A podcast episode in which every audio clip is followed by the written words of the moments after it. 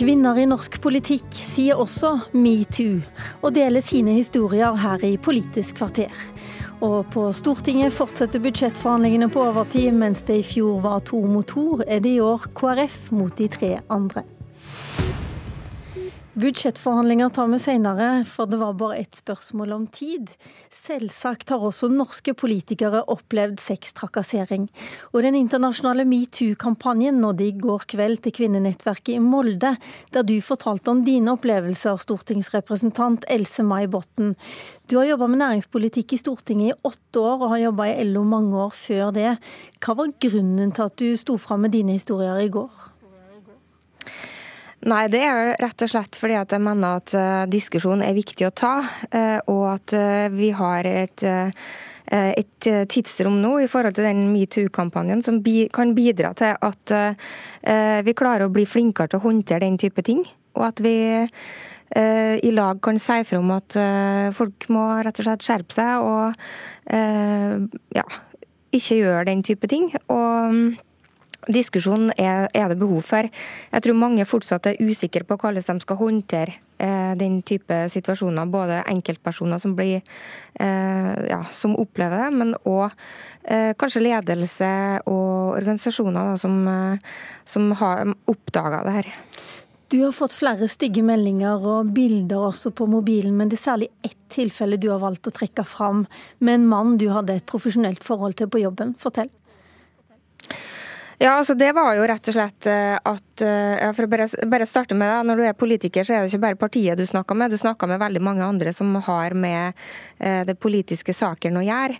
Sånn at det her er ikke fra vårt parti på noe vis. Men det som var, det var jo at vi har dialog for politiske saker over tid. Og så begynte å komme meldinger som, som gikk langt utover det som har med jobb å gjøre. Eh, og den ene meldinga gjorde meg skikkelig forbanna, rett og slett. Jeg tenker at eh, da må det skje noe. Vedkommende må få hjelp, må få beskjed om at det her er ikke greit. Og det har jeg jo sagt mange ganger. Eh, men jeg tenker jo at var, i denne kampanjen der, så er det viktig. Dette var en melding der en mann du hadde arbeidsforhold til, var rimelig eksplisitt på hva han ville gjøre med deg? Ja, det var ganske brutalt. Eh, og det var òg en mann jeg aldri, aldri har eh, hatt noe eh, flørt eller noe sånn type relasjon til. Så det var ganske spesielt, for å si det mildt. Og det var stygt, syns jeg, da. Men det var ikke noe engangstilfelle heller. Du har fått flere meldinger tidligere. Hva er det som gjør at folk ikke Folk du har et profesjonelt forhold til, ikke skjønner hvor grensa går, tror du? Nei, jeg syns det er vanskelig å svare på, men jeg tenker at eh, det er ofte sånn at eh, for å si det sånn, det er noen, uansett hvor de er hen, som har noe forskrudde bilde av sex, rett og slett. Eh, og som tenker at eh, det er fullt mulig. Om du får nei, så betyr det ja. Og er du blid og hyggelig, så kan det nesten eh, oppfattes som at du elsker dem. Og det er ikke sånn det er.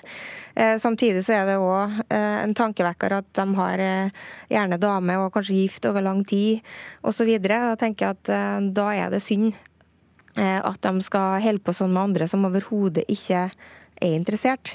Så da tenker jeg det er bra at vi faktisk løfter det her. Og, og, og, både kan hjelpe dem som har den situasjonen, da. For det må jo være et eller annet som gjør at de er slik. Eh, og at vi får slutt på det. Sara Berge Økkeland, du var 18 år da du ble spådd en lysende karriere i Frp. I løpet av noen år så rakk du å være både politisk rådgiver for finansråden i byråden i Bergen og for samferdselsminister Ketil Solvik-Olsen. En av historiene du har valgt å gå ut med på Facebook og i Bergensavisa, handler om en mann som kunne vært faren din, og som inviterte deg ut eh, en gang. Kan du fortelle hva som skjedde da? Jeg har delt to historier. Eh, begge er eh, knyttet til stortingsrepresentanter eller høytstående personer i Fremskrittspartiet. Og ved det ene tilfellet så ble jeg etter hvert lagt hånd på, fikk jeg en hånd lagt på rumpen. Og spørsmålet om jeg egentlig forsto hva som skulle til eh, for å i fremtiden kunne bli stortingsrepresentant eller få hjelp med å komme høyere opp på valglister og nå frem i nominasjonskamper. Eh, mens et annet, i et annet tilfelle eh, så var tilknyttet et fylkesårsmøte. Eh, så var det en stortingsrepresentant som holdt foredrag om mediehåndtering, hvordan vinne valget, og som da mente at jeg kunne f.eks. stille opp lettkledd i VG og snakke om seksuelle preferanser for å få et nasjonalt gjennombrudd i politikken. Så ser jeg at denne stortingsrepresentanten nå har vært ute og sagt at ja, men det var ment som en spøk, og det var veldig uformelt. Men da det ble reagert på dette under fylkesårsmøtet, så beklagde ikke denne mannen seg. Han gikk bare, han gikk bare videre. Eh, og det er heller ikke en uformell setting. Eh, et fylkesårsmøte, vi snakker nå fra talerstolen på fylkesårsmøtet, ikke i baren senere på kvelden eller noe sånt. Og fylkesårsmøte er faktisk det mest formelle arrangementet et fylkeslag har. Hvordan reagerte du? Jeg ble ganske paff.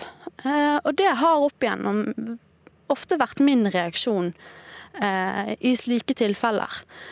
I dag hadde jeg nok reagert annerledes, eh, men det er noe med hvordan en På et tidspunkt hvor man gjerne er ung, eh, man har ikke hatt like mye erfaring eh, med det å møte stortingsrepresentanter. Man har gjerne stor respekt for personer som har høye tillitsverv.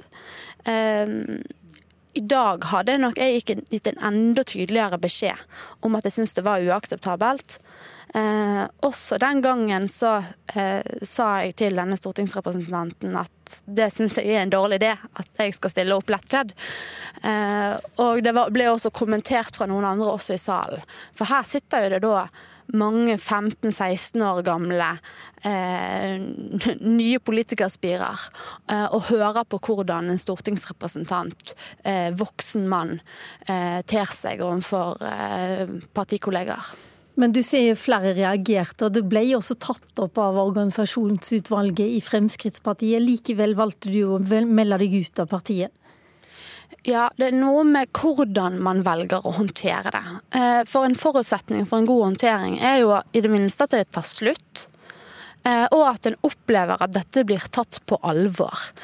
Eh, og Frp har jo eh, i, via media fått eh, mulighet til svar på de påstandene som jeg fremsatte først på Facebook. Eh, og jeg ser jo at det som blir svart, er jo at ja, men det fins jo alvorligere ting kvinner kan bli utsatt for. Eller blir utsatt for i politikken.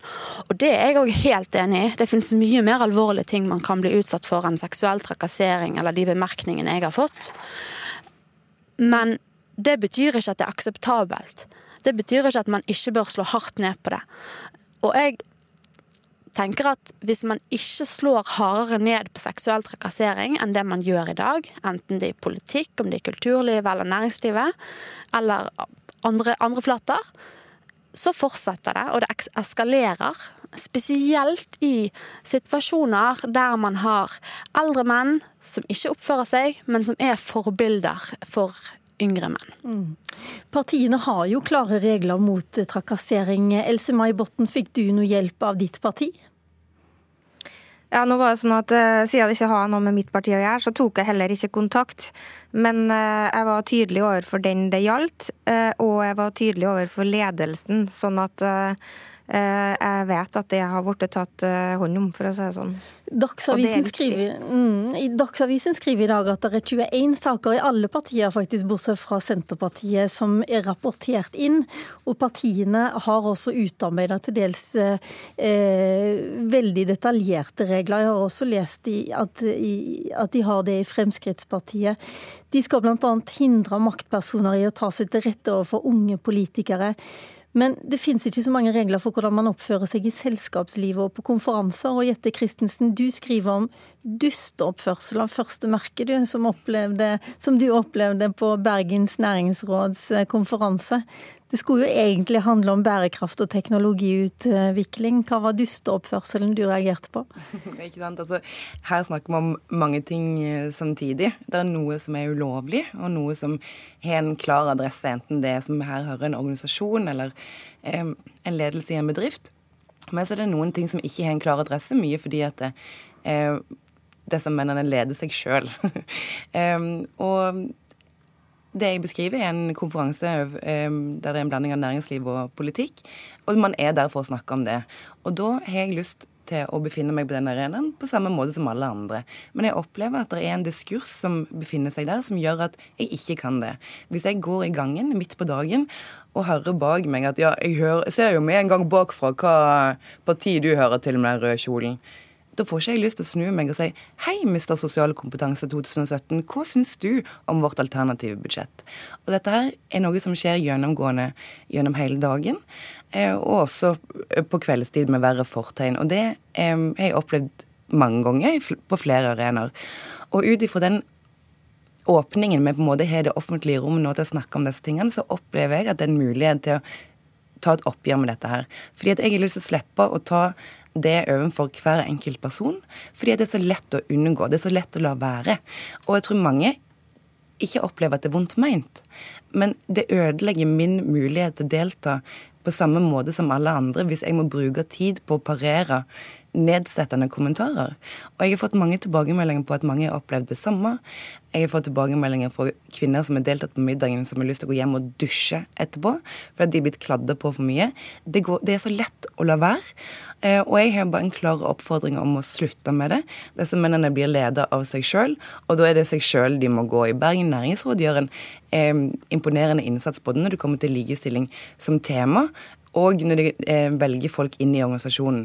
Dette angår ikke deg, men det det angår, er den enkelte mann som syns at det er en god åpningsreplikk å kommentere enten fysikk eh, eller eh, kvinners tilstedeværelse overhodet, istedenfor å snakke om det man er der for å snakke om. Og det forventer jeg at jeg skal få lov til på lik linje med en mann. Det får være det siste rådet, og et tverrpolitisk sådan fra Jette Christensen.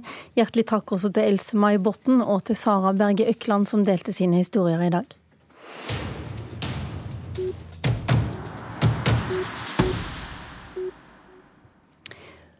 På Stortinget skulle regjeringen ha blitt enige med Venstre og KrF om et budsjett innen i går klokka 18. Den fristen har de nå brutt, men de fortsetter altså i dag. I fjor var det to regjeringspartier mot to samarbeidspartier i år er forhandlingene mer preget av en tre mot én-situasjon, der KrF har rollen som et konstruktivt opposisjonsparti. Og hvor konstruktivt er det for forhandlingene, NRK-kommentator Lars Nehru Sand? Det er i hvert fall en litt annen stemning enn tidligere år, når det var en avklart eh, avtale og det var to partier utenfor og to partier i regjering. Nå er det ett parti som jo sonderer med denne regjeringen om å gå inn, og KrF føler seg åpenbart litt mer alene, og det setter sitt preg på på stemningen når man snakker med alle i alle de fire partiene. Eh, og, og, det er også tydelig at KrF er redd for å eh, tape disse forhandlingene og, og fremstå som, som, det partiet som fikk minst ut av det, kanskje situasjonen tatt i, i, betraktning. Og det er også sånn at KrF har et stort behov for gjennomslag. Men får de mer gjennomslag? Det må jo være et uh, lite dilemma for regjeringen. De har Venstre som er innafor og KrF utafor. Hvem av de skal få mest? Ja, Venstre prøver i hvert fall å, eller utelukker i hvert fall ikke at de kommer innenfor. Og det som uh, skjer nå helt i sluttspurten, er jo at man går ekstra runder, særlig på tre tematikker som har vært viktige for Kristelig Folkeparti. Det ene er denne maskinskatten, hvor regjeringspartiene er positive til å kompensere kommuner som kommer dårlig ut av det, men KrF vil ha et lovutvalg og, og sånn sett stake ut en kurs videre fremover. Eh, regjeringspartiene er også litt på glid når det gjelder pleiepengeordningen, men ikke nødvendigvis villig til å kompensere 100% fullt ut og i mange år, som KrF krever. Og så er det denne lærernormen som skiller seg litt fra de to andre sakene, som jo handler om at KrF er uenig i noe av det regjeringen prioriterer. Lærernormen er den ene saken hvor regjeringen, nei, unnskyld, hvor KrF selv har brakt noe til torgs, for å si det sånn, og kjemper jo veldig for sin eh, lærernorm. Og siste tilbud i går, som KrF da ikke ville si ja til, var en form for lærernorm, og at dette skal utredes eh, over tid, men altså at man ikke går inn for en, en fast lærernorm med oppstart fra, fra, høsten neste år. Og så legger regjeringen også eh, mange millioner kroner på bordet for eh, flere lærerstillinger. Vanskelige saker, men du tror det blir en enighet til slutt? Ja, det tror også KrF. Takk skal du ha, Lars Nehru Sand. Vi følger selvfølgelig budsjettforhandlingene helt inn i mål her fra Politisk kvarter og i NRK. Mitt navn er Lilla Sølhusvik.